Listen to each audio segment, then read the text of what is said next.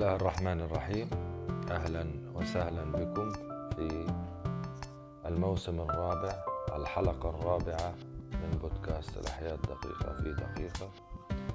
اليوم سوف نتحدث عن فوائد الفيروسات للإنسان وهي حلقة ممتعة جدا جدا جدا. الكثير منا يعتقد أن الفيروسات هي كائنات مضرة. لكن من خلال البحث الذي قمت به بحث موسع عن الفيروسات وجدت أن لها فوائد عديدة في مجال مقاومة البكتيريا في أيضا النظام البيئي في البشر يمكن أن تفيد البشر وأيضا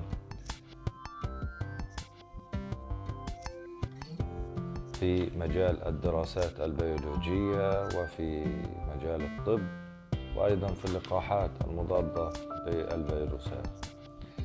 سنتحدث أولا عن فوائد الفيروسات في مقاومة البكتيريا بعد الفاصل.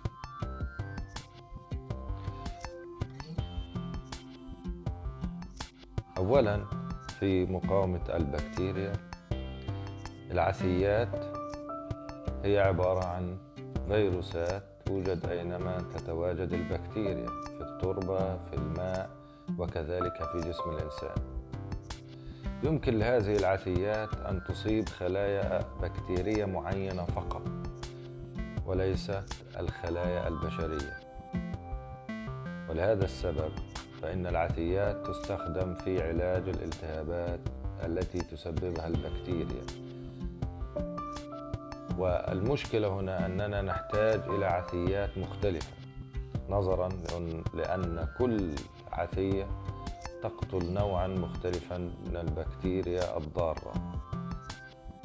وأيضا أن هذه العثيات يمكن عزلها بطرق معقدة جدا. تم اكتشاف العثيات في العام 1917 ميلادي من قبل العالم الفرنسي فيليكس. تيول وأدرك هذه وأدرك العالم أن هناك أهمية كبيرة في مكافحة الأمراض المعدية من قبل هذه العثيات. وأهملت أهمل العلاج بهذه العثيات نظرا لظهور المضادات الحيوية في نفس أو بعد في العشرينيات من القرن الماضي. أيضا هناك صعوبة في علاج الالتهابات الناتجة عن البكتيريا لأنها لأن هذه العسيات يجب تكييفها على حسب كل مريض وهذا لم يكن مغريا لشركات الأدوية نذهب الآن إلى بعد الفاصل إلى فائدة الفيروسات في النظام البيئي تؤدي الفيروسات الملتهمة التي تصيب البكتيريا دور فائق الأهمية فهي تنظم المجتمعات البكتيرية في المحيط ولولاها لتضاعفت أعداد البكتيريا في بعض المجتمعات إلى حد الانفجار وقد تتوقف جماعات حيوية عن النمو بسبب هيمنة جماعات أخرى هذا قانون في النظام البيئي. إذا فالفيروسات تقضي على أنواع من البكتيريا. لها دور في القضاء على أنواع من البكتيريا حتى لا تتكاثر وتضر النظام البيئي. هناك أيضا فائدة ثانية في فائدة الفيروسات للنظام البيئي أن الجراثيم تنتج نحو نصف الأكسجين على كوكب الأرض بمساعدة هذه الفيروسات. أيضا تقتل الفيروسات 20% من جميع الجراثيم ونحو 50% من البكتيريا في المحيطات يوميا. وبذلك تضمن العوالق المنتجة للأكسجين لديها ما يكفي من مغذيات لإنتاج كميات كبيرة من الأكسجين من التمثيل الضوئي وبذلك تدعم الحياة على الأرض. إذا الفيروسات لها دور كبير في إنتاج الأكسجين داخل المحيطات. أيضا اكتشف الباحثون في الآفات الحشرية أن الفيروسات تسهم في تحديد أعداد الأنواع إذا زاد عدد أفراد أحد الأنواع زيادة مفرطة يأتي الفيروس ويبيد أفراده. وهذه وهذا الشيء يحدث في البشر عندما تظهر الجوائح مثل الإنفلونزا الأسبانية وفيروس كورونا الحالي. إذا كلما زاد عدد أفراد من أحد الأنواع زيادة مفرطة فإن الفيروس يأتي ليقضي عليه ويبيد أفراده ويضعه في الحد المطلوب أو المسموح إذا تعتمد بعض الكائنات الحية أيضا على الفيروسات من أجل البقاء على قيد الحياة أو لتكتسب ميزة تنافسية أمام الأنواع الأخرى. الفيروسات تلعب دورا مهما في تقليل عدد من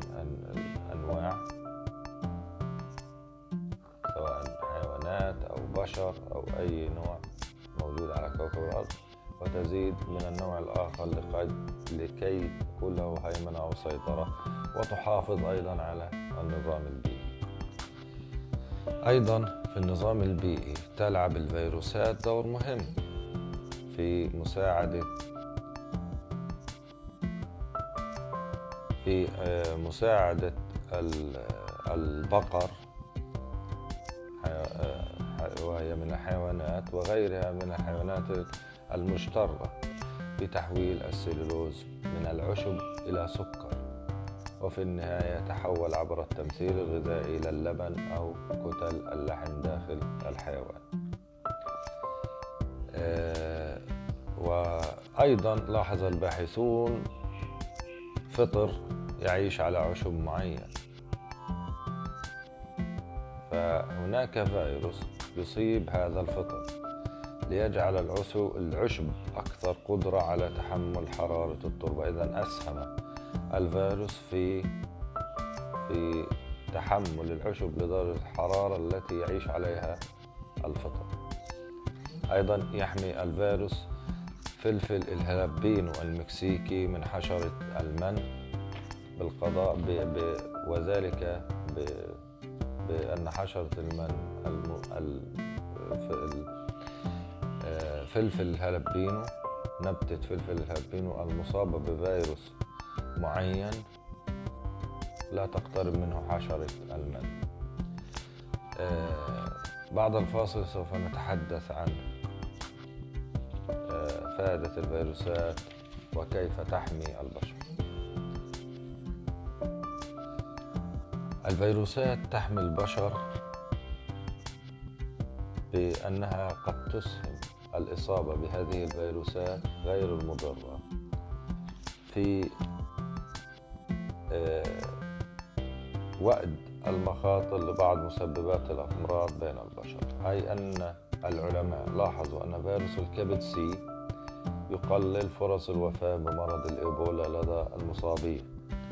وأيضا لاحظت دراسة أن إصابة الفئران بفيروس الهيربس أو يسمى فيروس الحلق قللت من احتمالات إصابتها ببعض أنواع العدوى البكتيرية مثل الطاعون البابوني والليستيريا يستكشف العلماء حاليا إمكانية استخدام الفيروسات المحللة للخلايا السرطانية التي تصيب وتتلف الخلايا السرطانية فقط دون غيرها كعلاج أقل سمية وأكثر فعالية للسرطان إذا إدخال آه، هناك أبحاث تتعلق باستخدام بعض الفيروسات في علاج السرطان أي أن هذه الفيروسات تلتهم خلايا السرطانية فقط دون الإضرار بخلايا البشر. آه، أيضا تمثل بقايا الفيروسات 8% من المادة الوراثية البشرية. إذا المادة الوراثية البشرية تحتوي على جين 8% من جينات فيروسية ومعظمها هذه الجينات خامل وبعضها يتطور إلى جينات ويؤدي أدوار مفيدة. وقد اكتشف فريقان بحثيان سنة 2018 ميلادي أن أحد الجينات الفيروسية المنشأ. يشفر بروتين. هذا البروتين يلعب دور محوري في تكوين الذكريات طويلة الأمد الذكريات طويلة الأمد عن طريق نقل المعلومات بين الخلايا وبعضها في الجهاز العصبي. إذا الفيروس فيروس منشأ فيروس آه، الجين فيروسي المنشأ يشفر بروتين هذا يساعد على تكوين ذكريات طويلة الأمد ونقل المعلومات بين الخلايا العصبية وبعضها. آه، أيضا أشار بعض الباحثين إلى أهمية الفيروسات في تطور المشيمة لدى الثدييات. وتوقيت التعبير الجيني في الحمل البشري وربط الدراسة بين قدرة البشر وإنجاب أطفال أحياء وبين شفرة وراثية تعود لفيروسات رجعية قديمة أصابت أسلافنا منذ 130 مليون عام. ولولا هذه الفيروسات لما كان لكان الحمل مختلفا تماما إن لم يكن مستحيل إذا هناك أبحاث قالت أن بعض الفيروسات لها أهمية في تطور الثدييات والحمل عند الثدييات وهناك شفرة وراثية فيروسية المنشأ كانت منذ زمن بعيد طورت عملية الحمل لدى البشر. فاصل ونكمل إلى الفيروسات. في دراسة في الدراسات البيولوجية. في مجال الدراسات البيولوجية لأن الدراسات البيولوجية هناك لأن الفيروسات هي عبارة عن أنظمة بسيطة يمكن التلاعب بها. يمكن التلاعب به والبحث في وظائف الخلايا الحية.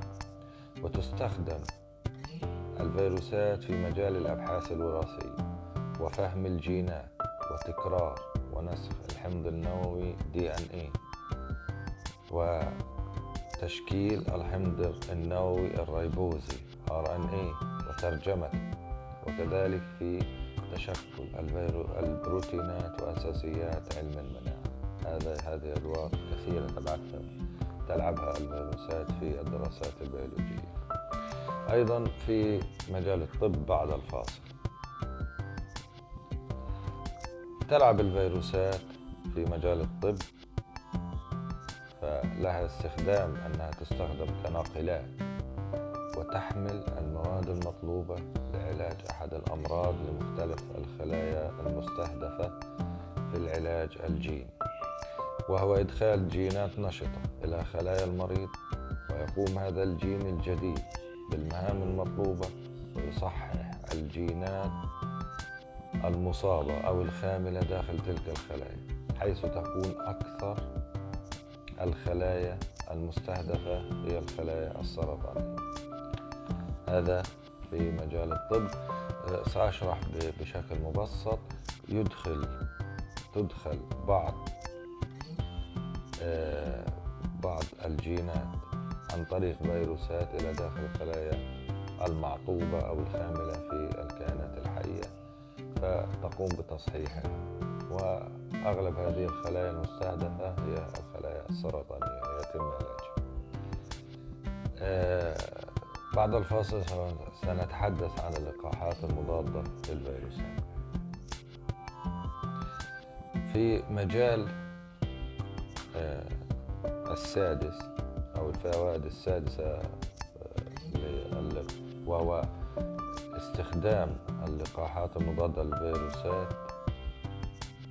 آه، الفيروسات كانت تستخدم في عهد الطبيب إدوارد آه، جينر في إنتاج اللقاحات المضادة للفيروسات حيث أن هذا الطبيب استخدم جدري البقر.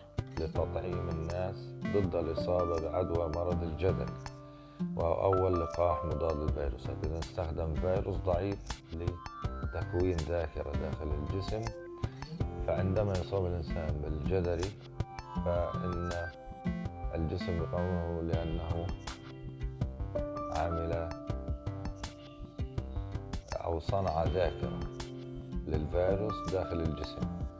فقضى عليه مباشرة. إذا آه، أيضا تستخدم الفيروسات الحية الضعيفة في لقاحات أمراض شلل الأطفال والحصبة وجدر الماء أو جسيمات أو قطع يعني جسيمات قطع جينية من الفيروسات الميتة. عندما تدخل جسم الإنسان المعافى تساعد الجهاز المناعي على التعافي والقضاء على هذا النوع من الفيروسات بالتعرف عليه وتكوين مناعة ضده. أشكركم جزيل الشكر. كانت حلقة طويلة وسريعة وأيضا ممتعة وأنا استمتعت بالبحث في هذا المجال. سوف أبحث بصورة أكثر تعمقا في فوائد الفيروسات وإن شاء الله سوف آه، أوافيكم بحلقة ثانية إن شاء الله عن هذا عن هذا الموضوع الشيق. أشكركم جزيل الشكر كان معكم معد ومقدم البرنامج الأستاذ محمد نافذ رشوان من فلسطين. أخصائي الحياة الدقيقة وإجازة في التحاليل الطبية وأول مدون صوتي في فلسطين. ألقاكم بخير في الحلقة القادمة. شكرا جزيلا.